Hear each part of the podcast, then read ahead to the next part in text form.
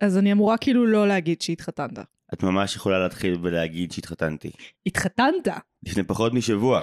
כאילו, היית שם, אני הייתי שם. את ויואל באתם. אני חושבת שזה בעיקר היה מוזר שהפרק שהקלטת לפני הוא על יום הזיכרון. ולא אמרנו כלום. זה, כי, כי זה לא מכבד.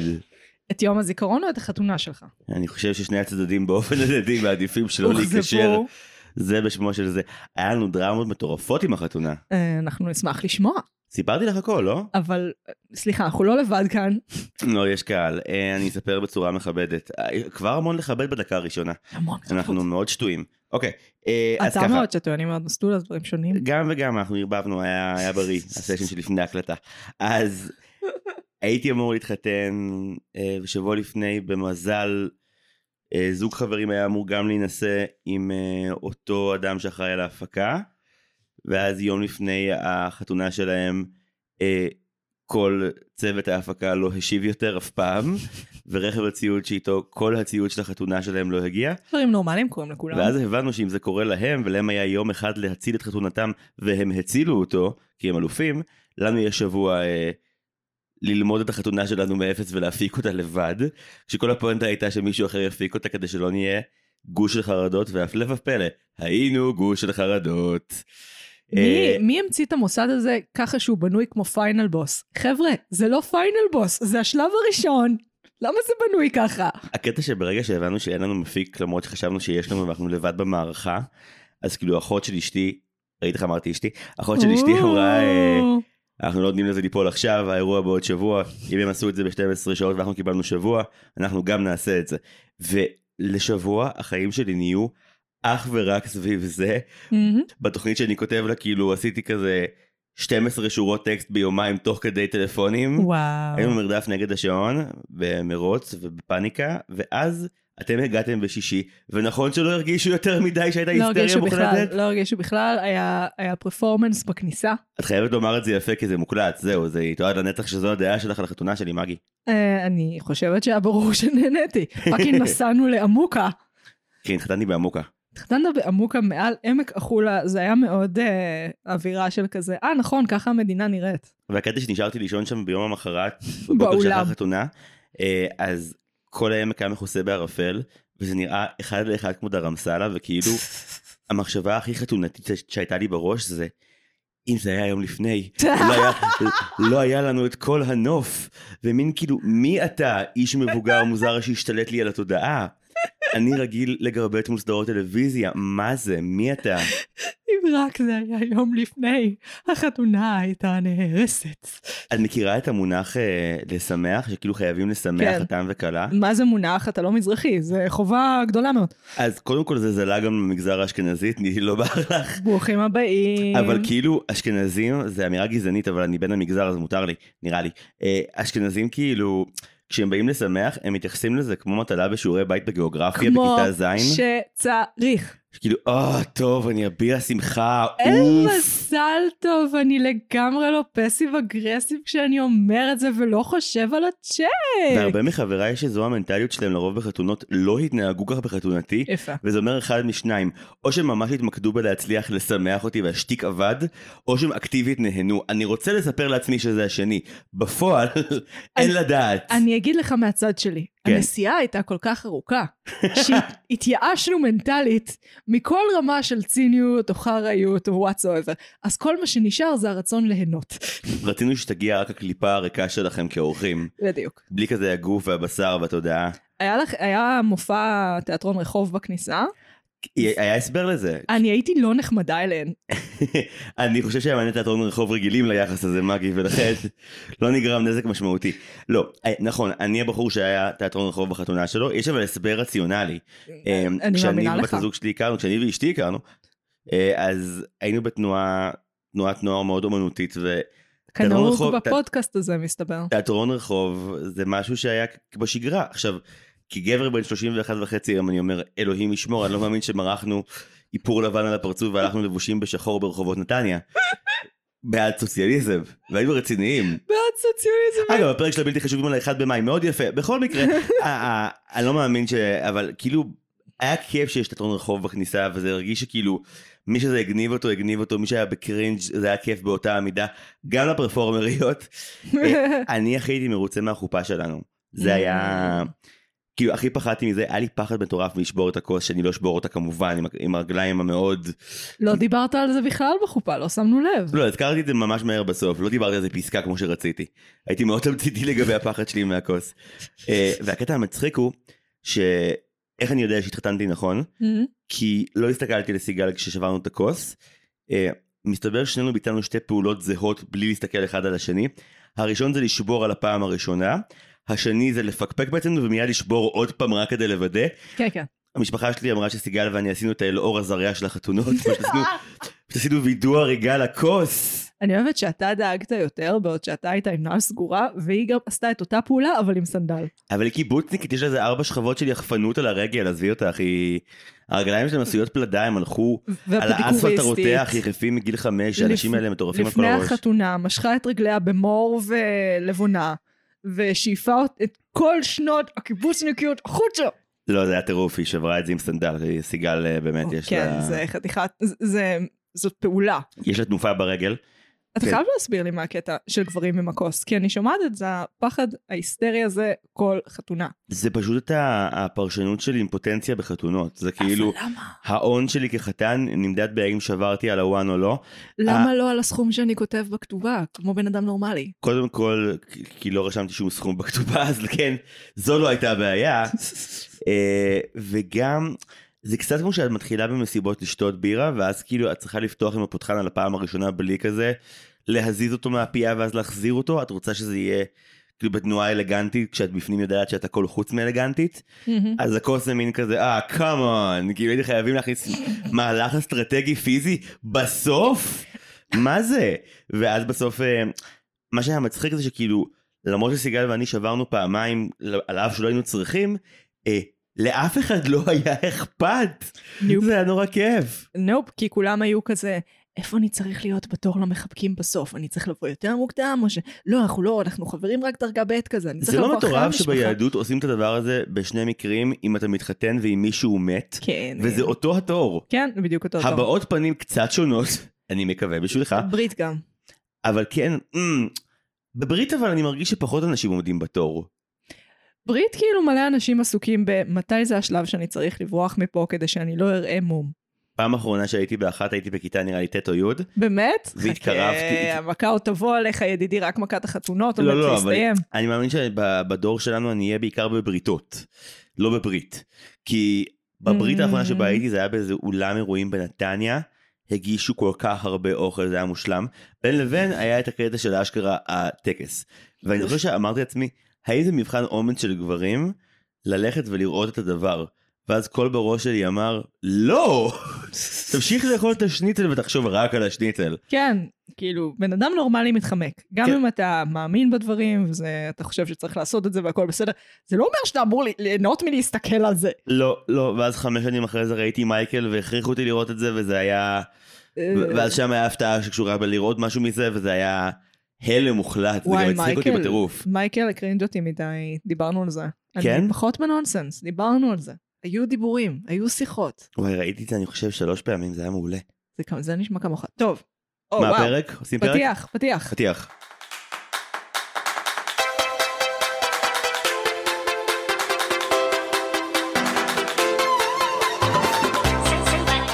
פתחנו, אני מגי. אני זיו. ואנחנו מרשם לבינג'. כן, ככה קוראים לפודקאסט שלך. כן, פלוס לזכור. מינוס נועה, ואנחנו מדברים, אה, פעם בשבוע מדברות על סרט או סדרה בהקשרים תרבותיים, פילוסופיים, חברתיים, פוליטיים, הומוריסטיים, דיגיטליים ופסיכולוגיים, אומייגד, זכרתי את זה.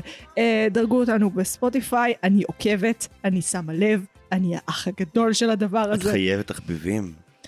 לא. אה, וזהו. אנחנו נתחיל ממה צרכנו השבוע? וואי, צרחתי המון, בעיקר במקלחת. אה, בעיקר במקלחת. צרכנות של תוכן. אוקיי, את קודם. תוכן. Um, אני נכנסתי חזק לפודקאסט משפט המו"לים, למה? לפודקאסט אה, משפט המו"לים. מה זה? של העין השביעית, שמה שהם עושים בעיקר ביקורת עיתונות, אז הם מסקרים את המשפט של ביבי פשוט ממש לפרטי הפרטים. אה, וזה מבדר באופן מפתיע, שמענו את זה כל הדרך לחתונה שלך, והדרך אוי. ואבוי. כן, מעניין למה באנו עייפים. אה, מאוד מוצלח, אני מאוד נהנית. אה, לקצת פחות פסיכיים, אבל עדיין פסיכיים פשוט מסוג אחר, אה, ערוץ בשם Extra History ביוטיוב. הם עושים סרטונים על היסטוריה, והם עושים את זה ממש טוב, ואני די התמכרתי לזה.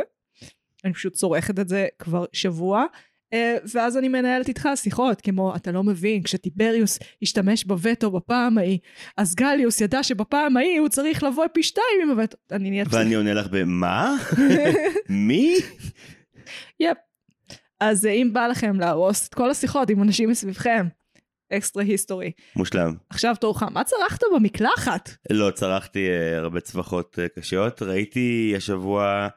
אני מפגר בכל הסדרות שבגלל החתונה, אני מפגר באופן כללי. לא, זו תקופה יבשה אני אני לך. מפגר ביורשים, בברי ובהישרדות לא ראית 44. את העונה החדשה של יורשים. אה, ראיתי את הארבעה פרקים הראשונים והיה טירוף. היה טוב כיף. לפחות עצרת שם. לא זה ממש עונה מעולה. כן, כן, אני, אני אשלים פערים בסופה שאני מקווה, ממש רוצה. מה שבעיקר ראיתי השבוע, לומר את האמת, זה את רוב העונה הראשונה של האחיין שלי, בנט שוב, מהמם.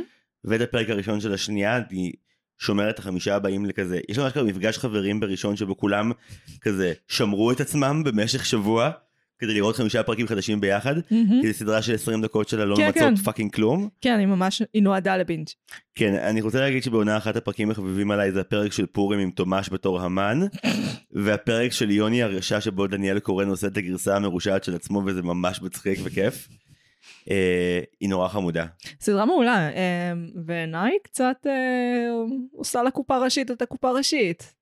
כאילו, מה, גונבת את הבכורה? היא הדבר הזה שהוא כביכול בחינוכית לילדים, אבל הוא לא באמת בחינוכית לילדים, הוא גם לילדים, אבל הוא גם למבוגרים, ועכשיו הוא נהיה טרנד, והוא תכלס ממש מגניב, ויהיה לו עוד עונות. אה, ובעיניי קופה ראשית קצת, אה, מבחינת מיתוג קופה ראשית התחילה בתור כזה סדרה כזה בועטת שיש בערוץ 10 ולא כזה כולם יודעים עליה. חינוכית. נכון, ואז זה היה בשידורים חוזרים ב-10, מהמם. נכון.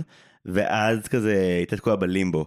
וככל שהיא המשיכה היא הייתה יותר ויותר מצליחה וזה זה אוטומטית מיקם אותה כזה בלב הקונצנזוס וכאילו איפה שכזה כזה לרוב אוהבים להשמיץ כזה את סברי מרנן בדיונים האלה אז כאילו זה כבר קצת באותו המקום של כזה הסדרה שכזה כולנו עושה- רואים ביחד בשלון שלנו. היא קצת רואה, היא קצת עושה את הסברים מרנן, אה, שזה בעיה, כי כאילו בהומור בעיניי לפחות אתה צריך איזושהי רמה של ספציפיות, אה, וכשאתה נהיה עד כדי כך ממלכתי, זה, אתה מאבד את הספציפיות. לא, אבל אני חושב שמבחינת מיתוג אז כזה בנץ נורא שווקה בעונה הקודמת כאילו בזמן שהיא כבר הייתה במחצית השנייה פתאום בתור משהו כן, כן. משהו מגניב שכאילו לא רק ילדים גם אמורים מבוגרים לראות. צריכים לראות את זה. אני גם חושב שזה כזה הרבה קהלים של צפייה בסדרות ילדים ונוער נכנסים פה כי גם כזה אנשים בגילנו שגדלו על הפיג'מות וגור ואוח רצים לראות את זה. אנחנו גם הסנסיטיביטיז שלנו שונים. כשאני הייתי ילדה, מבוגרים לא היו רואים פיקסאר. היום זה הכי נורמלי שמבוגרים צורכים תוכן שכביכול מיועד לילדים. אם הוא טוב, אנחנו לא נראה כפולה. גיא אדלר. אני עוד לא ראיתי אז אין לי דעה. מה שכן אה, זה רלוונטי לנושא אבל הנחנו שסיימתי בזה ואני לא. אני סיפרתי לך במה צפינו במסיבת הרווקים שלי. זה כל כך מצחיק אותי, כן. חברים שלי פשוט הביאו לי במשך חלק מהפורמט שעתיים שבהם היינו בסלון כולם או שותים או מעשנים או גם וגם ולי הביאו שלט ואמרו שים מה שאתה רוצה ואז שם לי את אפליקציית ביגי והקרנתי להם אה, תוכניות נבחרות אנחנו באמת צריכים להשיג כבר חסות מהם מגי ולמי שרוצה לנסות משהו מאתגר אם לא אם לא המלצתי על זה פה בעבר אני אמליץ שוב אה, גבולות בר זוהר עם יעל עם יעל בר זוהר התוכנית וואו. שבה היא עושה קלפים פתוחים ומנסה לתחקר היה מרגש מאוד. אה, חוץ מזה לא בעיקר הייתי אחיין שלי כל השבוע נראה לי. אה, זה וסרטי מדהים ש- דיסני. זוכרת את סרטי הדיסני? גם אותם ראיתי השבוע. כבר נגיע לזה, כמו זיו. בכל שבוע פינקי. כבר נגיע לזה, זיו. אז זיו, על מה אנחנו מדברים היום? אני לא יודע, אמרתי לבוא ולא אמרתי מה מדברים. אבל אמרתי מילה. כל היום אמרתי מילה. איזה מילה אמרתי? אמרת אנימציה. אז אנחנו מדברים על אנימציה, אין טריילר, כי מה, אני פאקינג נשים את זה. Meta, meta, meta,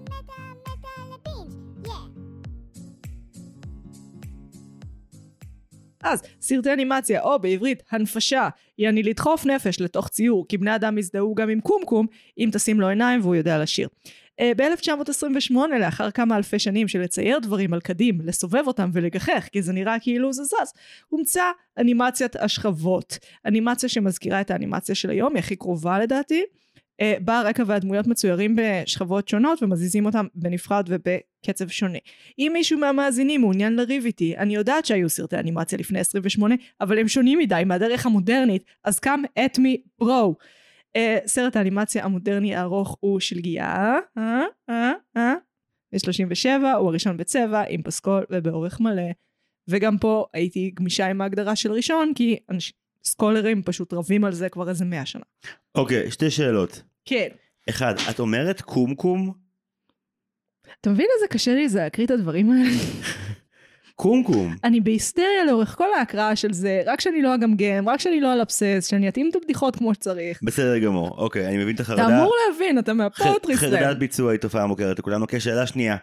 האם יש נושא יותר רחב מזה לפרק? קומדיה. לא! לא, אפשר להקדיש 19 שעות ולכסות אה, כחמישית מה- מהחומר הרלוונטי על קומדיה. אנימציה זה כל כך רחב. עקרונית, מה שמעניין אותי לדבר זה כאילו איך סרטי אנימציה הפכו מלמבוגרים לילדים ואז שוב למבוגרים. אוקיי, אז... זה אה, פחות או יותר המגה נושא מתי, אוקיי, אז בוא שתחתיו נתחיל מההתחלה, התכנסנו. מתי הם נהיו למבוגרים? אה, שלגיה כביכול זה יצא ל... לא לילדים, זה יצא למבוגרים, הקרנים רגילים לגמרי, סרט לכל המשפחה מה שנקרא, אבל זה כביכול למבוגרים. מיקי מאוס, השורט הראשון שזה ב-28, שזה באנימציית השכם. ספינת הקיטור ווילי? אה, כן, כן, זהו כן. שמו. מנסה להיזכר בשנה, אני אצטרך להיות עם הערך, אני גם חושב שזה. או ב-29 או ב-28, כנראה 28. אנחנו עם ערך ויקיפדיה פתוח היום, אנחנו מבחן עם ספר פתוח, הנפשה. כן, מקצוענות. אם למישהו חסר הפן הוויזואלי של אה, פודקאסט מצולם, מגי כרגע מסתכלת בגוגל על המילה הנפשה. שמחתי לתווך לכם את כל האלמנט החזותי של הפרק הזה על אנימציה. הנושא הרחב ביותר שאי פעם היה. אוקיי, אה, יש את גרטי הדינוזאור, שהוא גם... אה, כי מי מאיתנו לא גדל על הפודקאותיו המופלאות של גרטי, ג- זה גרטי או שזה גרטי או שזה גרטי? G-E-R-T-I-E. גרטי. גרטי. אה, שהוא גם אה, היה אחרי זה את ליטל נמו, שזה הראשון באורך מלא, שהוא לא אנימציית שכבות. 2004 אה, 1914 אני חושבת. זה מדהים שנושא הפרק הוא אנימציה, כשנגיד אני נכנסתי להסתכל על דיסני, מה זה לא מהמקום של אנימציה? וואלה. לא, כאילו, אני נכנסתי לדיסני מפומו, הא, רק פומו. לא כאילו, נדפקת בילדות על ידי שטיפת מוח קפיטליסטית אמריקאית? כן, אני חושב שוולט דיסני שווקו טוב את התוכן שלהם כמו שקוקה קולה שיווקה את השתייה שלה. זה היה אה לא, רעל. קחו את זה. המותג הנוצץ ביותר אי פעם. כאילו, קלטות וידאו של וולט דיסני, זה כמו שאת קונה מוצר של אפל, יש איזה מין יוקרה של כזה, זה עלה המון כסף סביב אני הדבר שונאת הזה. גם את אפל. מה לא בסדר איתי? את מרגישה כאילו איזושהי יוקרה סביב המותג, וכאילו מין, רציתי להכיר את כל המותג, רציתי לדעת איך, רציתי לדעת איך זה נראה מבפנים. Hmm. וכאילו, שנתיים וחצי לתוך זה ועדיין אנימציה היא רוב הזמן לא הדבר שהכי מעסיק אותי. היא מעסיקה אותי אם היא טובה במיוחד ואם היא גרועה במיוחד. נגיד, כשרואים רצוף את, אה, את מולן וטרזן אני נדפקת מזה. כן. שהם נעשו כאילו באותו זמן ואחד נראה כן. כמו העתיד ואחד נראה כמו העבר. כן. נורא מוזר. אה, מתי זה? יש אחד שהם עושים של תלת... דינוזאור. מתי הם עושים בדינוזאור? אלפיים. מה. את מופתעת שאני יודע את החומר המזדיין? לא, לא, הסרט הזה, פשוט לחשוב עליו מצחיק אותי, שמישהו אני אשכרה ראיתי אותו השקיע. בקולנוע עם אבא שלי ויצאנו. באמצע. באמת? יצאתי באמצע מכל כך מעט סרטים בחיים שלי. וואו, לא יצאתי מעולם מסרט באמצע. יצאתי מהצגה פעם באמצע? כן, המלך ליר בקאמרי. איש חסיד היה בהבימה. אני כעסתי על ההצגה הזאת כמו שלא כעסתי על משהו מימיי. כן, כן, בשביל לצאת באמצע לבן אדם שהוא יוצר ויודע כמה זה נורא כשמישהו יוצא לך באמצע, זה צריך להיות משהו נוראי. הם הביאו חבורת בוגרי כוכב נולד וקראו לזה הצגה אני רציתי. גדול, איזה עונה. אה, האמת שכאילו צחי הלוי הוא דה וויס נכון? הוא כן. היה כן, כן. הוא היה והייתה מישהי מאיזה עונה שמונה של כוכב נולד וואי, אני כל והכניסו שירים. עדכניים כמו אייכה איום ונורא לא נושא הפרק שהוא רחב גם כך. לא נושא הפרק. דיסני. תקשיב. אני באמת כאילו, for the life of me, אני לא מבינה איך, למה דיסני זה דבר. אני מבינה שוולט דיסני היה ממש הראשון להיות בשטח ולהבין את החשיבות של הדבר. והראשון, לקחת את אה, בדרימוורקס ולהגיד לו, אתה תעבוד אצלי! אצלי אתה תעבוד! אמ, אבל מעבר לזה, אני חושבת שכאילו עד שהם קנו את פיקסאר בעיניי, הם הפסידו הארדקור לפיקסאר. אה, אני חושב אבל שמה שגורם לדיסני להיות כזה household name עד היום, לפני הכל זה כן מצוינות בתחום שלהם. כלומר, הם לקחו אנימציה קדימה באופן שלא היה גוף חזק כמוהם שדחף, והם עשו את זה גם כשהם הפסידו מלא כסף, הם לא כן. ויתרו על זה אף פעם. בין התורי זהב.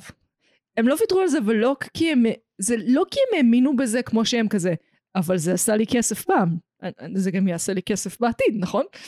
אני לא חושב שזה כזה אני חושב. שזה באמת אמונה במוצר, בסוג אנימציה 2D הנורא ספציפי הזה. אני חושב שבתקופה שלהם, בעיקר בעשורים הראשונים, זה איזשהו גן שעשועים חדש שהם ממציאים את המתקנים בו, אבל הם לא יודעים מה בדיוק יכול להיות נכון אדריכלית ובטוח ומה מסוכן, וזה תענוג לראות את התהליך הזה, כי הם עושים המון ניסויים נורא מעניינים שחלקם היום נראים אחרית וחלקם מגניבים מאוד, זה מרגיש שהייתה שם הרבה מאוד חדוות יצירה וממש לא רק אה, אג'נדה אולפנית קרה. אני לא מרגיש את זה בכלל ברוב הסרטים שלהם. זאת שאלה מעניינת, כי נגיד ההתקדמות הטכנולוגית, שזה משהו שהוא בחזית המאבק הדיסנאי פיקסראי באשר הוא. זאת אומרת, כמעט כל סרט או כל כמה סרטים יש איזה ניסיון להמציא מחדש תוכנה, לכתוב מחדש תוכנה, לכתוב מחדש איך אנחנו עושים שיער, איך אנחנו עושים תנועה, איך אנחנו עושים... ויש בזה משהו מצד אחד מאוד חמוד, מצד שני הם לא עושים את זה יותר, זיו. הם ליטרלי לא עושים את זה. האתגר הגדול ככל שאני כהדיוט מבין של אנימציה תלת מימד כשזה מגיע לצייר אנשים זה לחמוק מהדבר הזה שנקרא ה-uncanny Uncanny valley. נכון מאוד. אני אעשה סאונד אפקט, אולי לא, לא יודעת, מה לעתיד, נראה סליחה. עמוק בתוך הסאונד אפקט. אה, הרעיון שזה לא יהיה מספיק דומה למציאות אבל גם לא מספיק אה, דמיוני כך שזה יהיה מעוות. בעיה של אנימציה דו מימד כמעט תמיד אין. אה, כי זה רחוק מדי. נכון, יש את הדיון הזה של אה, נודניקים שלמדו אמנות שהמאמר הראשון, בקולנוע המאמר הראשון שמלמדים אה, עוסק ברעיון של לשחרר את המצלמה, כאילו, שם, איך זה הולך? אוי זה נורא. אה, שהציור יכול להשתחרר מהאובססיה לריאליזם כי המצלמה מתעדת הכי טוב בעולם. ומין כזה, זה מין נאום שלם על זה שכאילו, כן. המצלמה תתעד והציור ייצור, ומין חרטוטים כאלה, וכאילו, אנימציה מנסה לעשות המון דברים במקביל היום. כן. איזה משפט כללי, בא לי למות. לא, לא, אנחנו מנגישים את האירוע הזה, ואנחנו לא יכולים עכשיו לנהל פה שיחה. אקדמית לגמרי. אחד, כי אנחנו, אנחנו, עצמנו, כאנשים, נשתעמם. שתיים, יש גם מאזינים. בפרק הבא שנרשמנו לבינץ', פוליטיקה. פוליטיקה של האקדמיה. מהי פוליט- מהי פוליטיקה? אה, אז אני נגיד מרגיש שדנתי בזה עם עצמי עכשיו בשירותים שלך בדרך לאולפן שהוא החדר האחר כן. והבנתי שנגיד כשאני בתור ילד ראיתי תוכן מצויר הדבר העיקרי שחשבנתי לו כדי להחליט אם זה טוב או לא זה אם זה הצחיק אותי כי בתור ילד הכלי המרכזי שניסיתי לבחון ככלי לחברות זה איך מצחיקים אנשים או ממה אנשים צוחקים זה ריתק אותי אז Hmm. אם תוכן מצויר היה מצחיק, הוא קנה את עולמי בשניות, ושאר הדברים היו יותר משניים לזה, והיום אני בן 31 וחצי, וזה עדיין נכון. מעניין, כי כשאני חושבת על זה אצלי, זה האם זה קיבע את הציניות שלי. זאת אומרת, זה מבחינתי מה שסרט מצויר טוב, ואני חושבת על זה גם סרט טוב באופן כללי. כאילו, האם אני מפסיקה להיות, הא, אנשים לא הולכים ככה, מה זה, למה, למה השעון לא בשעה שהם אומרים? אם, אם הם מצליחים להעיף את זה, זה מבחינתי הסרט, אומר שהסרט עובד. עכשיו, אני חושבת שאני עדיין ככה, שזה עדיין מה שאני מחשיבה לסרט טוב, מעניין. כן, אנחנו לא מתפתחים בהכרח בקטע הזה. כן. כאילו גם, זה קשור לזה שתמיד שאנשים, אה, אם תשאלי אותם מה הסרט הכי טוב שהם ראו, או מה, כמה הסרטים הכי טובים שהם ראו, הסיכוי שאחד הסרטים יהיה מהעשור האחרון הוא מאוד נמוך. הכל בכל מקום בבת אחת, היי, הסרט האהוב עליי. הסרט הכי חדש שאני יכול להגיד ב top three של הפייבוריטים שלי זה כנראה Inside Out אפרופו אנימציה. הוא Mm. ייכנס לשם, אבל אה, הוא מה מ-2015? משהו כזה. אז קיצור, אה, לרוב אתה, אתה גם נותן לסרט איזושהי משמעות נוספת ככל ששנים עוברות והוא נשאר בראש. אם הוא שורד את ה cut של הזיכרון שלך עשור קדימה, הוא כנראה בן זונה, או שהוא עשה לך משהו.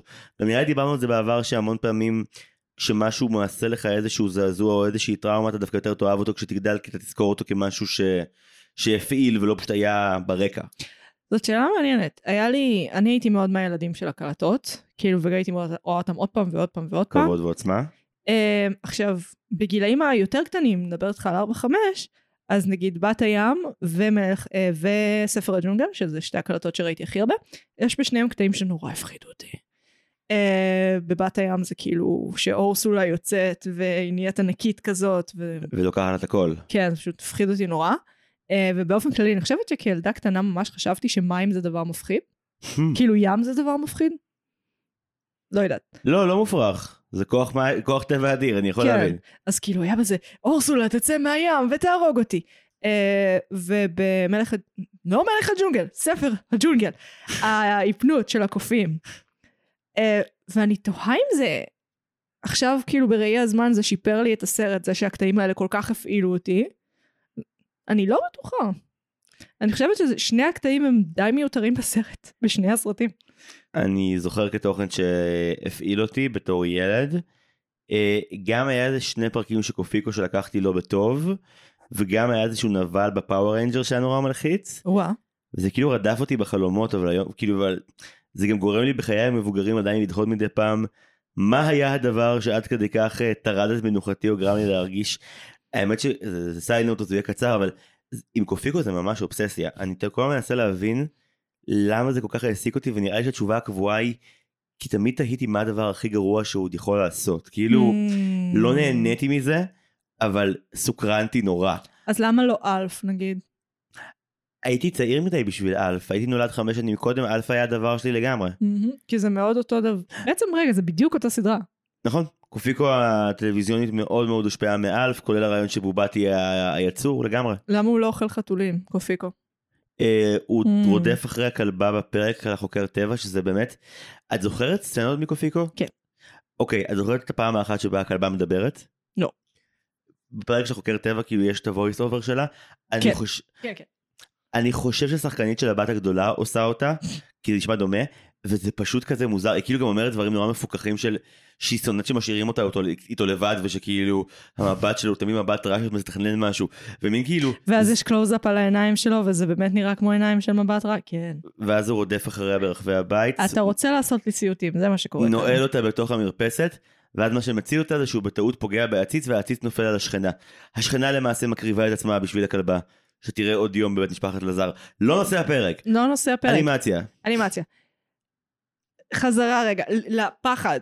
כי יש קטע, כאילו, אנימציה יכולה להיות יותר מפעילה רגשית מכל live action, anything.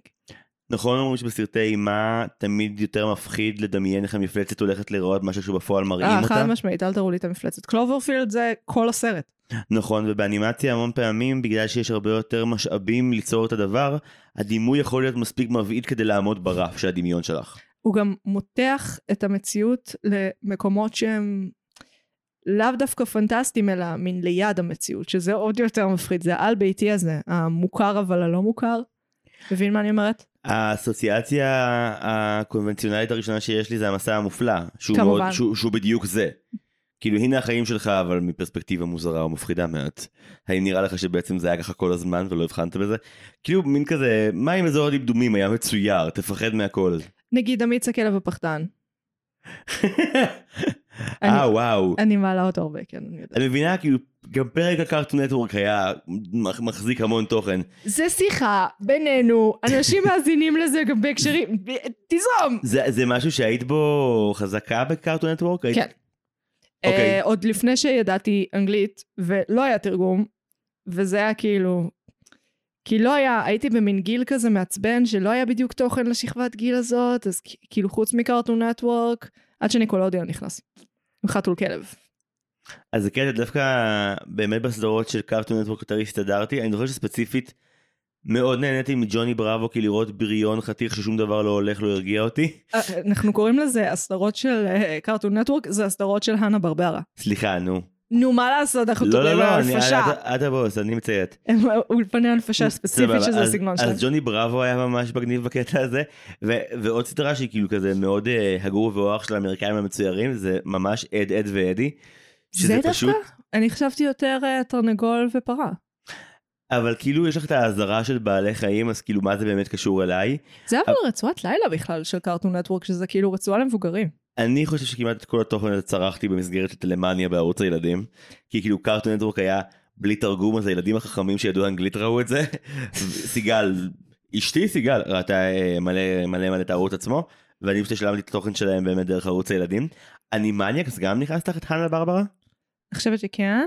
oh my God. ראית לא, רימייק? אנימניאקס זה לא, לא, לא, זה לא, זה Warner Brothers. כן. שהוא Warner Brothers ו Hanna-Barbera זה לא אותו אולפן, אני מבין לא רק. בדיסני, אני מצטער. זה לא, אני לא יודעת למה אני יודעת את הדברים האלה. כנראה המוח שלי באיזשהו שלב אמר, תדעי, את תצטרכי את זה מתישהו. ותראה מה זה, הגיע היום, ואני יושבת כאן ומשגעת אותך עם נושא כללי מדי. לא, לא, זה בסדר. אוקיי, אבל אם כבר הולכים לנושא הזה, אנחנו נתקוף אותו מהזווית האישית, כי... מה, אוקיי, דיברנו על דברים שהפחידו בילדות. כזה, מה הסדרות אנימציה שהכי כזה נשארו איתך כמבוגרת? אמיץ הכלב הפחדן, מבחינת פחד. יש שם איזה פרק שיש איזה רוח רפאים כזאת, שרואים אותה כזה עומדת בשממה, ויש לה, יראו את הפנים שלה, אחד המפחידים. אה, וזה פשוט נשאר איתי לשנים. זה והפרק בשמש, שהוא, שהרוח רפאים של מישהו, את מדברת על הפרק עם זולטן, המשחק מחשב? כן, כן, הוא אחד הזכורים. כן, זה די דפק אותי. האמת שלפחד מהאנימציה לא יצא לי, יצא לי בתור כאילו כזה נער לסבול ולפחד ממה שקראו לו בעין הדג אה, ג'אנק נימציה, שזה כל הסרטים שמגיעים כזה מחו"ל ממדינות נחשלות כזה. ו- שמנסים לרכב על הגל של סרטים מצליחים יותר. היה שלב שבו אחותי הייתה מספיק גדולה כדי לראות סרטים כמו, ואני אומר אה, שמות אמיתיים, אה, קופים בחלל ואגדה שמגדה. וזה, אני זוכרת אגדה שמגדה. זה היה צפיות קשות. אני זוכר שבהגדה שמגדה, אבא שלי ואני ניסינו אקטיבית להירדם ונכשלנו, ואחותי מאוד נעלבה. היא לא, היא לא העריכה את זה בכלל, את המחווה הזאת, וכאילו, זה, מיכל, אנחנו מנסים לסבול פחות, אנחנו כלפייך פה בסיטואציה. אה, אה, אוקיי, מחוץ ל... מחוץ לדיסני פיקסאר, כן. מה האולפן הנישתי החביב עלייך שכרגע רץ בעולם? וואו, לי יש שניים בראש בשלוף, שאני אוהב. תנצח אותי בבקשה. זה לא תחרות. אה, אוקיי, ובכל זאת. פייבוריטים אישיים לנצח ולעד זה Aardman, החבר'ה הבריטים של Wallace ו Gromit ומרד התרנגולים, כן, שהם עושים stop motion. הם הכי חמודים, אנחנו מחשיבים stop motion? הם עושים ממש פלסטלינה לדעתי. זה stop motion. כאילו אני גרוע בהגדרות, אבל הטריק הזה אתה של... ה- עושה תמונה מפלסטלינה, מצלם. כן, כאילו סטופ מושן זה הז'אנר ופלסטלינה זה אפשרות בתוכו אני מניח. אוקיי, אז הם עושים את זה הארדקור, וגם עד חיים בזרם זה רק פלסטלינה. ספציפית הסרט באורך מלא של Wallace ו Gromit and the were-rabbit, the curse of the were-rabbit, ראית את זה? אני חייבת לשאול לגבי, למה באמת stop motion, stop motion זה כאילו הגרסה הכי סיוט שאפשר לעשות של אנימציה. באמת, חוץ מ, לא יודעת, לשלוח כלבים לחלל, ופעם בעשרת אלפים שנה לצלם תמונה שלהם אה, במדים שלהם בחלל, ולעשות מזה סרט, זה דרך הכי מסובכת לעשות אנימציה. אה, למה זה לא תפס יותר, חוץ מהסיבה המעולה שהרגע ציינתי? אני חושב נגיד שרואים תוכן שקשור ב stop motion וכאמור אני על תקן ההדיוט של הפרק היום ממש. לא, אה, אוקיי, נו, בסדר. לא אבל בלי- נגיד אני חושב על בלי סרטים שנאה עצמית, פרק הזה. אני חושב על סרטים של לייקה סבבה? כן. על כל ה... עכשיו כל השמות יברחו לי. אה, קורליין מהמם. ופרנקן משהו שהוא לא וויני כי זה טים ברטון. כל הדברים המאוד emo יים למראה עצובים. כן או קובו וזה כאילו סרטים שבהם stop motion טוב כי הוא ממש הבעתי אם אתה using it right. והם מצליחים כאילו להעביר המון פחד והמון עצב והמון תוגה דרך האנימציה הממש קשה הזאת. ואני לא בטוח שזה לכל אחד, או, יש ללייקה את, אה, את הקופסונים, את הבוקס טרולס, שזה כאילו סרט שמצליח להיות ממש חמוד וממש מבעית בו זמנית וכאילו אני לא בטוח שראיתי אפקט דומה באנימציה רגילה או אנימציה דו-ממד שפעל עליי באופן שהצליח ללחוץ גם על הפאניקה וגם על ההקלה באותו, באותו אופן. משהו ב stop motion, בגלל שאתה כאילו רואה את התפרים, אתה הרי כל כך ברור כשאתה מסתכל על זה, איך עשו את זה, זה כל כך במודעות שלך כל הזמן, שזה מפעיל אותך לדעתי יותר. כי יש משהו באנימציה רגילה, שכזה אתה נבלע בתוך העולם, ואתה פחות כזה חושב על, אה, איזה יופי, הבועות האלה שאני רואה, אה, לקח המון זמן לייבא אותן מסין, כי בדיוק אה, חומת ברלין נפלה או משהו כזה. אני לא מאוד מדייקת, אבל זה סיפור מבת ים הקטנה. לא באנו לפה כדי ללמוד הכל בסדר. אה, אתה לא. לא אני לא מחכים במפגשים שלנו אני לרוב אה, אאוץ'. אני לרוב לא אני לרוב מטפש. אותך להפך אני מוציא ממך חוכמה ומחסיר אותה. אה, אוקיי רגע פרנצ'ייז האנימציה שהכי Mm. עבר פלנדריזציה אי פעם. פנדריזציה? פלנדריזציה. Mm. נד פלנדרס, הסימפסון שהוא נהיה כאילו מהאיש הכי Mhm. חמוד לדתי הכי עידן משוגע. הקרח קל. אז כאילו, יש לי כמה פרנצ'ייזים של אנימציה בראש שעברו את זה, עידן הקרח. אבל יש אחד שזוהר הכי חזק. מה שלך? עידן הקרח קל. כן, תודה לך, תבורך נשמתך. בטח, הראשון היה מדהים, וזה הופך כאילו, חוץ מ-Food Wonderful Food, שהוא לדעתי בסרט השלישי, והוא בעיניי אחד מהשירים הכי מוצלחים שהיו אי פעם בסרטים מצוירים. אה, אבל להוציא מזה זה, כן, זה החמרה מטורפת. זה התחיל מדהים וזה פשוט מידרדר. יש כל מיני אולפני אנימציה קטנים בתקופה ההיא שמנסים לפרוץ, כזה כמו בלו סקאי, שזה כזה. החבר'ה שעשו את אה, הסדרה של Ice Age במקביל לסרטים מוזרים כמו רובוט, מהמם. וכזה, הם שרדו כזה עשור של... זה מעולה. מעניין כמה אנשים זוכרים אותו אבל.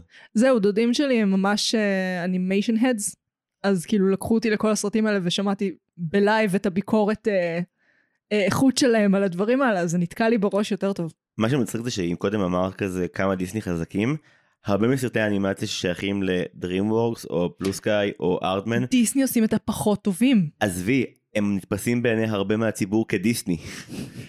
הרבה נכון. אנשים מציעים לי כזה, שאני אבוא לפרק על נסיך מצרים, הם כזה, אתה יכול אבל הוא לא, הוא לא, הוא לא של החברה. ויש כבר פרק על נסיך מצרים במרשם לבינג' ובאוכל הסרטים ובכל שאר הפודקאסטים שעשו בפסח. אני כל כך שמח. היה תאונה מצערת שאני לא אפרט עליה הובילה לכך שלנו לא היה פרק על נסיך מצרים שהוא כזה פרק חריגה מהפורמט ואז הגיע השבוע שבו כולכם הוצאתם פרקים נסיך מצרים אני כזה אוקיי אני מחכה עם זה לשנה הבאה. עצם זה שכולנו, הרי כל הפודקאסטים שעשו את זה, אנחנו קיימים יותר מדקה. היינו פה כבר כמה פסח. היה כמה פסח שנכחנו, לעזאזל, באותה קהילה, ואיכשהו השנה, 2023, זה השנה שכולנו הרגשנו צורך להוציא פרק על נסיך מצרים. יואו אני מרגיש כל כך אוף דה הוק איזה כיף. כן. איזה מאמץ מיותר זה יכול היה להיות. בכל מקרה. אמ, אז כן, יש את הפרנצ'ייזים שבאמת אתה, אתה כאילו ראית אותם אה, מתרסקים אה, בלהבות, שרק. יש את הסיפורים הכיפים, כלומר, אמ, יש לסיגל ולי את ההרצאה על דיסני, ואחד החלקים הכי כיפים, בוא, בוא תהרוס לנו. לא, אני, אז אני אומר, אני, אני, אני ארוס טיפה, טיזרים. הסיפור הכי מצחיק בעולם זה הרי הסיפור על המאבק הנצחי של דון בלוס בדיסני. זה, זה המשחקי הכס של דיסני, זה פשוט. מישהו אחד מחליט לצאת נגד התאגיד הכי גדול, הוא לא מפחד מהם, הם רוצים לרצוח אותו, וזה מין מאבק דמים אינסופי שבו שני הצדדים מפסידים לנצח, כאילו כי הם מביסים אותו כי הם תאגיד ענק מצד אחד, אבל מצד שני הבן אדם. עדיין... אתם בראש? אז כן. כן, אני חושבת אבל שזה חוזר על עצמו גם. אב דרימוורקס, אני מאה אחוז לא אומרת את השם שלו נכון, הוא עזב את דיסני, ואז כאילו החברה שהוא הקים פשוט פשטה את הרגל, ודיסני אמר כאילו, בוא תעבוד אצלי, אני כזה מענץ', אני כזה נחמד, שאני לוקח את העובד שכבר זיינתי. אגב, כמה הוא היה חרא אליו?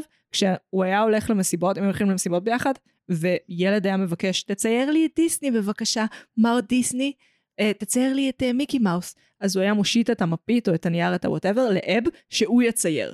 כאילו, מושיט בלי אפילו להסתכל עליו. זה כמה חרא וולט דיסני. את יודעת מה היה הדבר שהכי הוציא את וולט דיסני מדעתו?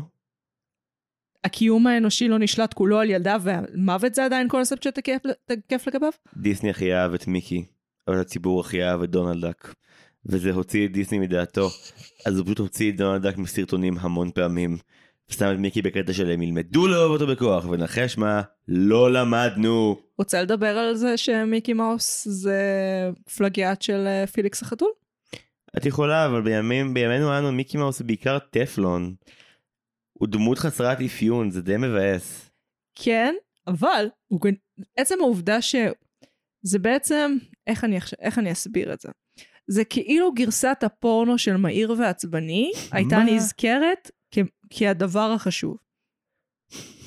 במקום מהיר ועצבני. כי את רוצה לדבר על כמה שפליקס החתול היה חשוב? הוא, כי הוא כאילו הדב, היה הדבר, ואז בסוף מה שנזכר זה גרסת הפלגיאט המזויפת שלו, שזה ממיקי מאוס. אני פשוט תוהה, כאילו אוקיי, מה האפיון המרכזי של פליקס החתול כמו שאת זוכרת אותו? מניאק. הוא מזכיר יותר את באגס בני.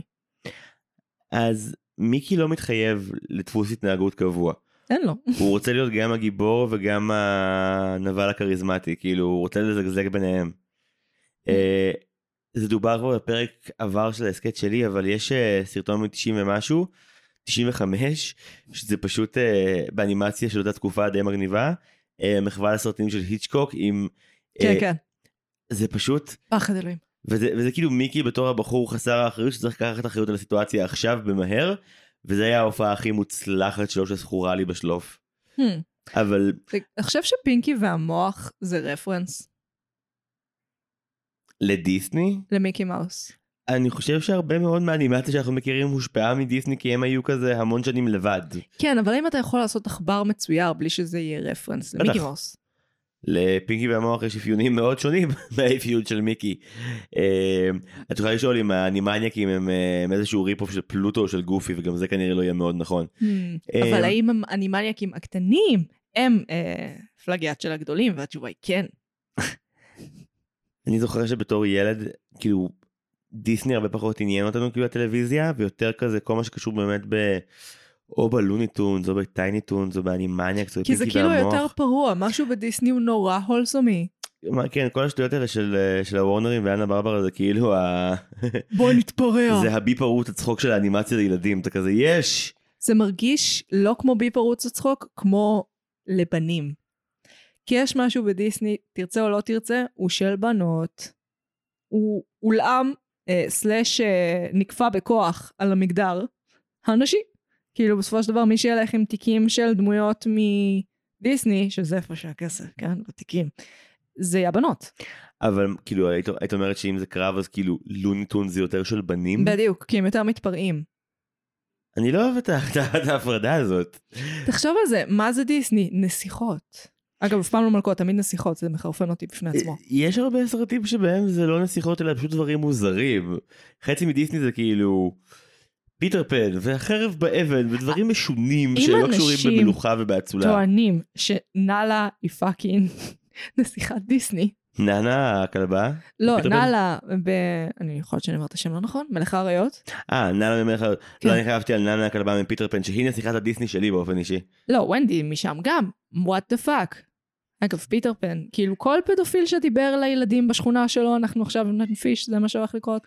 וואי איזה צפייה קשה זה כמבוגרת לראות את פיטר פן ולהבין שהוא באמת אחד האנשים האיומים ביותר. האיומים, זה, זה הכל, לא הוא, הם כולם אנשים נוראים. הוא הכי קרוב לבן אדם. בעיבוד עכשיו שיש בקאמרי שאני מאוד חיבבתי אז כאילו יש הרבה יותר מודעות לכך שפיטר הוא זין וזה זין ממש. זה מאוד משמח שהם יודעים את זה. Hmm, מעניין. בעצם התפיסת ילדות של פיטר פן זה כי הוא הרי ילד לתמיד. אז מה זה אומר להיות ילד לתמיד? לשים זין על כולם לתמיד? שוב אני אני אתחבר לנושא שעלה פה קודם באופן אורגני. אה, נורא המון פעמים מתייחסים. לקופיקו בתור ילד ואני חושב שילד באמת כשאומרים כזה קסם הילדות או השובבות של הנעורים זה בעצם שם קוד לזין מניאק חרא של ילד. כן. Hmm. שזה נכתב אבל בת- בתקופה הוויקטוריאנית, זאת אומרת בתקופה שאם legit ילד היה מדבר אה, לא בשלוש דקות ביום שמותר לו לענות למבוגרים, הוא היה חוטף מקל לעין. אני חושב אבל כשראיתי לפני זה כמה חודשים להסכת אחרת אסקימו לימון והייתי רצוף איזה שלושה אני יודעת, אני ערכתי את הסאונד. באמת? לא, לא, זה לא היה על אסקימו לימון, על מה לעזאזל ערכתי את אני אדבר הסאונד. על זה אחר כך. אז כשדיברנו על לימון הייתי צריך לראות את כל הרצף אז גם הם, הם ערוכים כאילו זה כזה אה כמה כיף היה להיות ילד בפיפטי זה כזה לא לא היה כיף במיוחד לא היה כיף אם היית ילדה בפיפטיז או לא. איזה כיף זה צנע. קח קוביית סוכר ליום הולדת, ילד. ותיאנס ותיאנס ילד כשאתה שיכור ולא מודע זה באמת. זה הסרטים כאילו מעולם לא ראיתי את המונח קסם הנעורים מתבטל בכזו מהירות אז כל הגישה הנוסטלגית הזאת כאילו יש המון דברים שהנוסטלגיה שלי עליהם היא כנה. כששברתי כוס על שיר הפתיחה של אריזה משפחתית זו הייתה נוסטלגיה כנה. זה היה נוסטלגיה משמחת, היה נוסטלגיה מלהיבה. אבל יש גם דברים, אוקיי, יש, יש תוכן אנימציה ספציפי שכאילו היית מעריצה שלו בילדות וכשגדלת נהיה חרא מוחלט? Hmm, אני חושבת שבוב ספוג ממש כאילו, זה כבר היה בשלב שהתחלתי להתעניין בכתיבה, ובשנייה שהבנתי שהכותב הראשי הוא ביולוג ימי, אז הבנתי שעושים עליי איזה תרגיל, והתחלתי כאילו לראות את המנגנונים בתוך בוב ספוג, כי הוא כאילו זורק לך שם בין מלא מידע שהוא פשוט בולשיט מוחלט, יש שם מדי פעם כזה, הנה עובדה על אה, חיות בים שלא ידעתם. כל מיני כאילו מנגנונים ממש חמודים בתוך הדבר. Uh, והוא הפך להיות פשוט התקף ADHD מתפרץ מטורף. כאילו, כן, זה לא, זה לא מה שזה היה. אני יכול לספר לך על הפרק האהוב עליי בבובספוג. כי יש אחד והוא האהוב עליי. Mm, יש פרק שבו פשוט פטריק כותב שיר, ואז כאילו הוא מכריח להקה להקליט את השיר, ואז השיר מושמע ברמקולים של ביקיני בוטום. וזה השיר הכי גרוע בעולם, וכולם כזה מתים, כאילו literally מתים, כזה רכבים פוגעים אחד בשני, אנשים מדממים כן, מהאוזניים. הומור מאוד, הומור מאוד dark, כן. ואני זוכר שראיתי את זה פעם ראשונה, זה היה במשמרת במד"א, of all places, וכל מי שהיה, היה אדם שיש לו הומור שחור בנשמה, כי אתה צריך לשרוד את מד"א איכשהו, כן. ואני זוכר שפשוט חברת אנשים שבטווח גילאים של כזה 17 עד 35, צרחו את נשמתם מרוב צחוק ולא הפסיקו, זה היה מדהים. זה הפרקים היותר מוקדמים. בעיניי הפרק הקלאסי זה שבוב ספוג בא לבקר את אה, סינדי בכיפה הזאת שלה, דום, איך לעזאזל קוראים לדבר הזה? אה, שאין לו אוויר? כן, שזה כאילו על הדחקה בעיניי. זה כזה פרק ראשון או שני, לא? כן, כן, אחד מהממש ראשונים. זה בעיניי כאילו מעולה, אתה גם רואה כמה הם שיחקו עם האנימציה שם, יש שם מין קלוזאפים כאלה, שפתאום כזה רואים את העיניים שלו ממש יבשות כאלה. זה ממש אקסטרה מראים את כל הפרטים, הרי האנימציה היא סופר מופשטת, ואז בקלוזאפים זה פתאום נראה מפורט ודוחה. זה היה מגניב. זה נשמע ממש מגניב. אם יש את ההפרדה המגדרית של בנים בנות זה אומר שכזה קומיקסים וגיבורי על מצוירים לא ראית? אה, אני, אני לא תקפה, לא. אני כאילו זאת שיושבת בצד, ולכן אה, כל השטיפת מוח הזה קצת יותר מסובך להכיל עליה, כי את צריכה להיות חלק מעדר, כדי שזה יעבוד עלייך. אה, אבל כן ראיתי כמובן בטמן המצויר, ספיידרמן המצויר, כל אוקיי, זה מה שרציתי לשאול. כן, ראית ספיידרמן. כן, כן. אוקיי, ההשלמה המבוגרת הכי טובה שעשיתי. Hmm, ראיתי את זה במעורבב בתור ילד ולא לפי הכרונולוגיה. hmm. ואז בגיל 19 בצבא חבר אמר לי כל שישי שאתה חוזר מהצבא נראה את החמישה כי היה ב-VOD של הוט fucking הכל. ראינו הכל לפי הסדר. oh my god העונה האחרונה fuck my life. זה איזה 800 זה כאילו ה multiverse עשורים לפני מרוויל אשכרה. כולם באים כולם. לבריאות. מאיפה, אתה יודע, מאיפה הם השיגו את הזכויות לזה? הם מרוויל כל הדמויות כשרות בתוך הדבר הזה. הם זה- לא מכרו כבר לסוני את ספיידרמן בשלב הזה?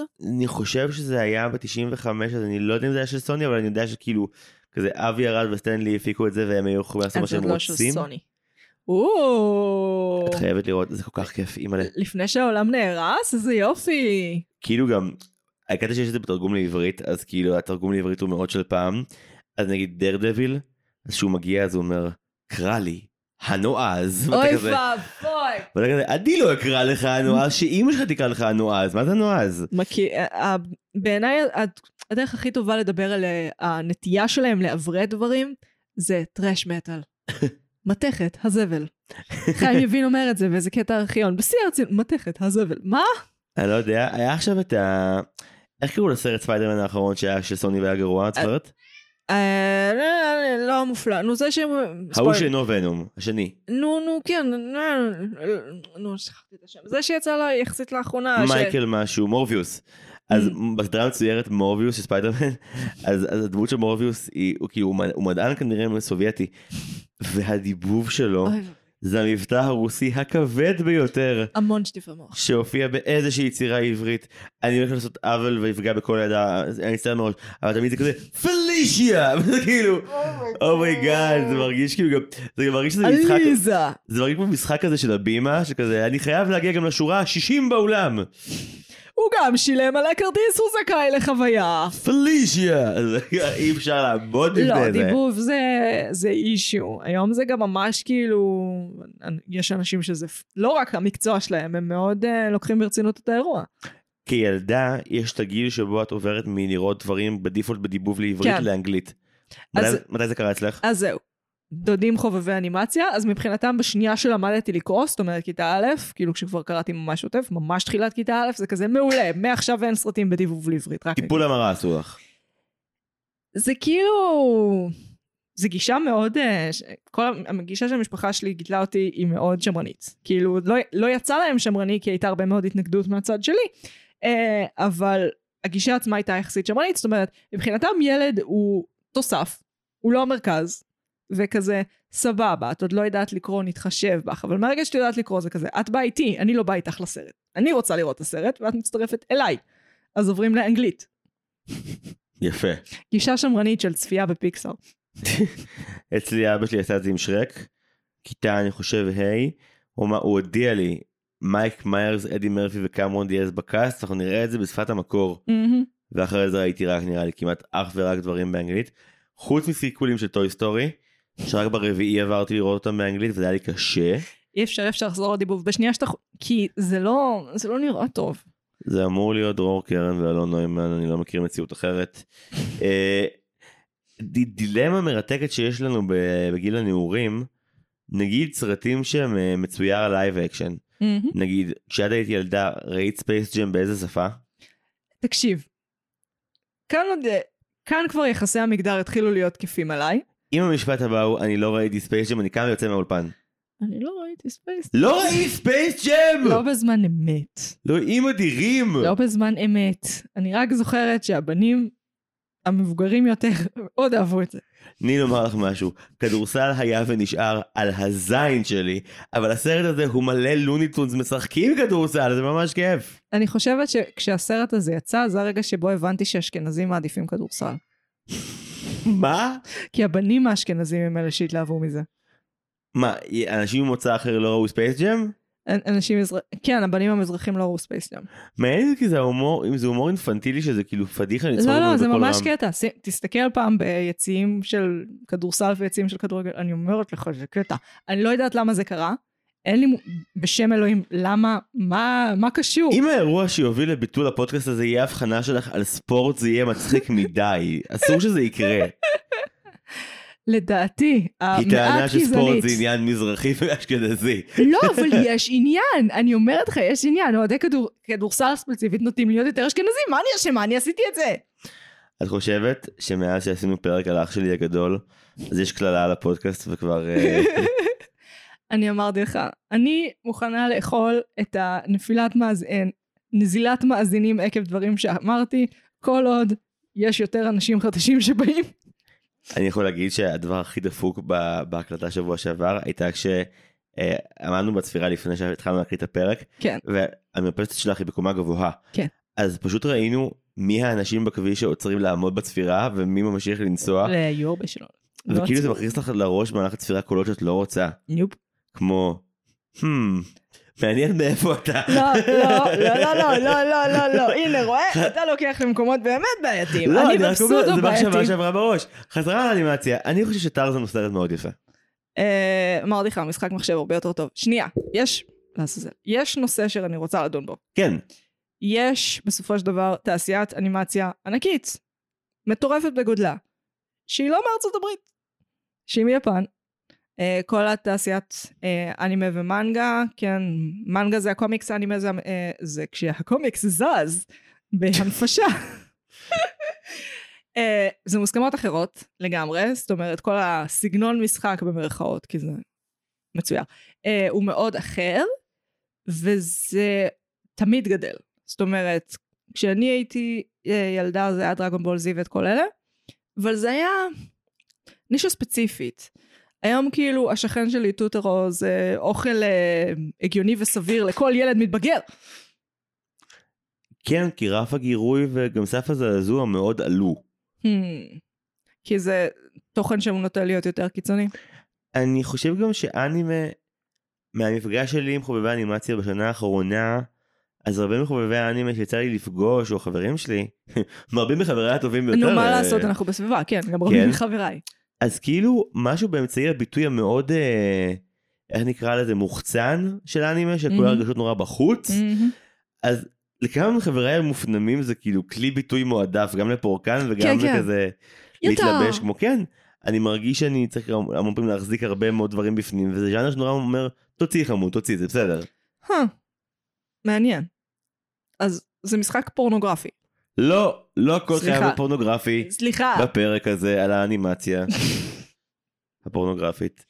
נכון, ב nineties שהיית נכנס והיה את האלה עם מרש סימפסון. יש סגמנט גם על שיפים בפרק הזה, אני אשמח לדון בזה בהרחבה. אה, רק בשנייה שתסביר לי, האם יפן ינצחו את ארצות הברית? באנימציה? באנימציה. כי זה כל הזמן גדל. קודם כל אני רוצה להגיד שזה לא בהכרח קרב בין שתי מדינות כמו שאפשר לצייר את זה. חד משמעית קרב בין שתי מדינות, אני גם, זה ישיר קשור למלחמת העולם השנייה כמובן. אני אנצל את העמדה שלי כהדיוט ואגיד בעשור האחרון היו המון סרטים מטורללים שצצו ממקורות לא צפויים. Mm. הדוגמה הראשונה שקופצת לי בראש זה הנסיך הקטן שהוא היה צרפתי לדעתי. וזה סרט שהוציא אותי מדעתי והיה נראה לי שהיוצרים שלו ראו גם אנימה וגם פיקסר ולקחו מה שהם צריכים- צריכים מכל, אה, מכל סוגה או מכל תרבות אנימציה ויצרו פיוז'נים. אה, ואני מאמין שבעשור הקרוב נראה עוד דברים כאלה על סמך Mm. הכלום שאני יודע. נראה לי שזה אך מתבקש שכמו שעכשיו בקומדיה הישראלית את רואה אנשים שראו חומר מקומי וחומר מחו"ל ומערבבים, שאנחנו נראה את התובנות האלה פורצות בעוד מקומות שהם שוב לאו דווקא בהכרח האמריקאים או, ה- או היפנים. וגם- אתה צודק, הם לגמרי חודרים, זאת אומרת, אפילו האקירה slide עם האופנוע, אתה רואה את זה הרבה, זה חוזר המון בסרטים אמריקאים, וזה באופן ברור רפרנס. כאילו זה מישהו שראה את האקירה slide במקור, והוא רצה לעשות רפרנס. אני תוהה, האם זה עניין של זמן עד שדיסני slash מי נשאר DreamWorks ישתפו פעולה עם אה, אולפן יפני גדול ויעשו collab. בינתיים נראה שהניסיון הוא לקרוץ לקהל של המזרח מבלי אשכרה ליצור איתו אלא רק לעמוד בחוקים. זה מבאס תחת בנוגע אה. לדיסני כי זה אומר שהם כל הזמן זה אה, יותר לסין, דיסני ספציפית מכוונים לסין, יפני מאוד שונה, מאוד. זה שבגלל הסינים דיסני כאילו נגיד מבטלת אה. אזכור של להט"בים בתכנים שלה רק את זה, היא עושה הכל חרא רק בגלל זה, היא עושה הר- הרבה פחות תוכן מבוסס טקסט, זאת אומרת, רואה הרבה יותר אקשן, למה? כי אין להם כוח לקריאייטיביות. נו באמת. דווקא שאנג צ'י היה לכם בסרטי המרוויל יותר חביבים. אבל אתה לא באמת- תשכנע אותי שיש אבל- מה אבל להציל זה לא שם. הפרק שלכם על מארוול. תקשיב, אם כי צריך עוד אחד. אם בזה שאני אמחק את זכרו של סטן לי, זה אומר שיפסיקו להיות fucking סרטי קומיקס מחורבנים במקום סרטים רגילים בקולנוע, אני מוכנה לזה, ואני חושבת שגם סטן לי היה, היה חותם על העסקה הזאת. אבל כל דבר שהוא טוב בהתחלה נהיה חרא עם הזמן. תחשבי שנגיד כשאנימציה ממוחשבת נהייתה דבר ידוע בעולם עם טוי היסטוריה הראשון אז אני חייתי באמונה כילד שראיתי את סרט האנימציה הממוחשבת הראשון שלי שכל סרטי האנימציה הממוחשבת שיצאו יהיו מדהימים. ואז ראית את דינוזאור. אני, אני זוכר שממעמקי גיל תשע גם ניסיתי לא להחשיב אותו. שהוא לא ייחשב כסרט אנימציה אה, ממוחשבת כי כזה לא כתוב פיקסר בהתחלה אם לא כתוב פיקסר זה אומר שזה לא נחשב. זה משהו מעצבן באנימציה, כי היא כל כך כאילו קשורה לטכנולוגיה, היא כל כך קשורה עבותות לטכנולוגיה, זאת אומרת שחייב להיות שלב של חרא. אלא אם את מתאימה את עצמך למגבלות נגיד דוגמה רעה זה על מה הם היו עושים את הסרט במקום דיינזור, על סליים מרושע? אז האנימציה הייתה עובדת מעולה. תחשבי שב-60-70 לדיסני אין, אה, אין כסף בכלל אז הם ממחזרים דמויות קיימות עם אה, ציורים קצת שונים ויש לך כזה ברובין הוד באמת אסופת דמויות מסרטים קודמים או בעיקר ספר הג'ונגל שחוזרים שוב וזה מאוד מוזר. זה הגישה כאילו העובדים ממה שיש לנו בוא נגיד אני חושב על סדרות טלוויזיה מפעם שבטח היא בעצם נורא יקרות ואני טועה אבל נגיד מרקב בראש שלי זה פורמט נורא חסכוני זה כזה אני אני אני אצור סביב המגבלות משהו שהוא מינימליסטי אבל הוא מודע לזה והוא יהיה חכם. ואז כאילו הקטע של טכנולוגיה הוא גם המגבלות שלי יכולים להיות מועילים אם הראש שלך הוא יצירתי והדדליין שלך הוא סבבה. אבל אה, אלה גם- סרטים שלוקחים שנים, שזה חלק מהבעייתיות שלהם, זאת אומרת, הם אף פעם לא, הם צריכים לצפות קדימה את התרבות, שזה בעיה. אחד הפרקים הראשונים שלי איתך פה היה על מ"ק 22 מהמם. ודיברנו המון על זה כמה שכאילו בשביל ישראל של דעה זה היה כל כך מורכב להתארגן לעונה שנייה ועד שכבר עבר הזמן והיוצרים כבר פחות אה, הסתדרו כאילו זה ז'אנר שבאמת מצריך המון סבלנות והמון קומרדורי כזה של אז- כאילו להיות ביחד. אז רק כאן למעשה, כי כאן כרגע הם היחידים שמתחייבים, פתאום מאשרים עוד שלוש עונות אה, לאחיין של איבנטס. רק לבנץ. בסדר, גם לקופה ראשית כשהם לפני איזה שנתיים נתנו את זה שתי עונות. ממתי בישראל מאשרים יותר מעונה אחת בבת אחת? תאורטית, זה אמור להיות מסוגל להחזיק אנימציה. וזה מצחיק כי אני לא אכנס למקורות אבל אה, כשדיברו בעבר אה, לפני איזה שנתיים הייתה איזה החלטה בתאגיד של אה, שסדרות כאילו כבר יחזרו מהר כזה תוך כזה שנה שנה וחצי. כן, זה עבד טוב. יוצרים ממה ששמעתי כזה בטוויטר שנאו את זה תן לי זמן לכתוב יא משוגע. לא, אני, אני עם האולפנים במקרה הזה. אני, אחד, אני רואה כמה תהליכי פיתוח, כי יכול להיות שאני נמצאת באמצע של אחד, אני רואה כמה הם לוקחים, וזה יותר מדי. אני מצטערת, זה יותר מדי, גם זה שסרט בישראל לוקח שנה וחצי לערוך שנתיים. תגידו, אתם נורמלים? מה אתה צריך 300 רף קאטים? מה אתה נורמלי? תעשה גרסה, תוציא את זה. אם זה לא היה טוב אז, אז כנראה שזה לא הולך להיות טוב, כמו 300 גרסאות. כאילו זה הכל, זה, זה לוקח יותר מדי זמן, דווקא יעיל, איפה שאנחנו, בישראל אנחנו נורא, התעשייה שלנו יודעת גם להיות נורא יעילה, כי התקציב קטן. איפה שאנחנו יעילים, זה איפה שאנחנו הכי תותחים. חושבת שגם באנימציה יש מקום לזה. אני רק רוצה להגיד שאם אני צריך להגיד על, על יצירת אנימציה ישראלית אחת ששינתה את חיי, משפחת פנטה כמובן, נכון. התשובה תהיה משחק המחשב פיפוש, ואני חושב שצריכים לבנות אנדרטאות וכס, מלכות לרנן ורועי גלוזמן. למה לא הוגו? הוגול, היא- אני לא חושב שהיא מקורית. היא לא מקורית. הבאנו אותה לכאן. רוצה לדבר שנייה על הפינה עם גיל ססובר? תובילי. אז uh, למי שלא גדל בעידן האבן, שממנו אנחנו הגענו, uh, היה בערוץ הילדים בזמנו הוגו, שכאילו היית יכול לשחק דרך הטלפון, היית מתקשר לאולפן, היו עונים לך במידה ונבחרת. אה, על רגע, פי- רגע, רגע, רגע, זרים. רגע, תן לי להגיע לזה, תן לי להגיע לזה. אתה לוחץ על המקשים של הפלאפון, כמו אה, כזה 2, 5, 6, ווטאבר, כדי לזוז, אה, ואז זה היה זז על המסך טלוויזיה, יחד עם גיל ססובה. אה, עכשיו, על פי פרסומים זרים, זיו, כן, בגדול, אז, אז לא באמת עבד ככה, כי אתה היית בטלפון עם מישהו, והיית אומר לו מה ללחוץ. עכשיו, כשאתה בקו הטלפון עם עוד מישהו בשידור חי שיש בו דיליי, אתה לרוב לא לוחץ בזמן. סיכוי לזכות בהוגו, עדיף היה לטעות בגדול. כך לפי פרסומים זרים, אני גם לא מתחייב אם זה היה בהוגו, טלפנו לי או ברוך ושרוך, היו לנו לפחות שלוש כאלה! ברוך וזרוך זה כן מקורי. אה, בטלפנו לי היה פחות משחקים אני חושב. ברוך ושרוך הייתה מדהימה. כן, היא הייתה מעולה. מיכאל הנגבי ועמוס שוב זיכרונו לברכה, איזה טובים הם וואו. היו. את זוכרת שיר הפתיחה? לא. באמת לא? אני, רגע. לא. הראשון שקט, השני לא רגוע, שרוך הוא קל וברוך ריבוע. מדהים. וואו. אתה מבין? אנ- אנחנו חיינו בתקופת הצנע, בתקופת הצנע של התוכן. אז נכון אמרתי לפני חצי שעה שנוסטלגיה זה בגדול, גדלתי בזמן מסוים, ראיתי משהו שעכשיו אני אוהב אותו, אז קצת זה. כן, כי הרי ברוך וסרוך אני חושבת שזה קלאסי, כי אם באמת ננתח את זה, זה לא כאילו, אתה יודע, זה יצירה. אבל ברוך מוכיח- מוכיחים טענה אחרת. כלומר, ברוך ושרוך זו דוגמה קלאסית להנה משהו, שהאנימציה שלו הייתה פונקציונלית ובסיסית מאוד, מהמם. אבל הוא היה מצחיק ומקורי ולכן הוא עבד. גם, אה, הוא היה רענן. כן. טלמניה. וואי, איזה דברים מוזרים. טוב, אנחנו אשכרה תכנו פה שעה של שיחה על הדברים על ולא. כיסינו כלום. נכון, מקווה שנהנתם. אז ממה אנחנו נפרדים היום? אוקיי, אנחנו נפרדים מאולפני בלו סקאי ומסקראט שמצאת את ה... מאולפנים? אוי, לא, אתה הורג אותי, בן אדם. לא, כי האולפן, לא, לא, ספציפית באולפן הזה, פשוט כי הם מתו לאחרונה, ויש סרטון של סקראט שהוא סוף סוף מוצא את הבלוט שלו, ואז הכל נגמר, ואתה שוכח שאייסייג' היה חרא במשך 15 שנה. אני לא אה. רוצה להיזכר בזה, אני ממש אהבתי את אייסייג' הראשון, וכאילו, אני הייתי שם בשביל הדינוזאורים הצפים, זה היה נורא.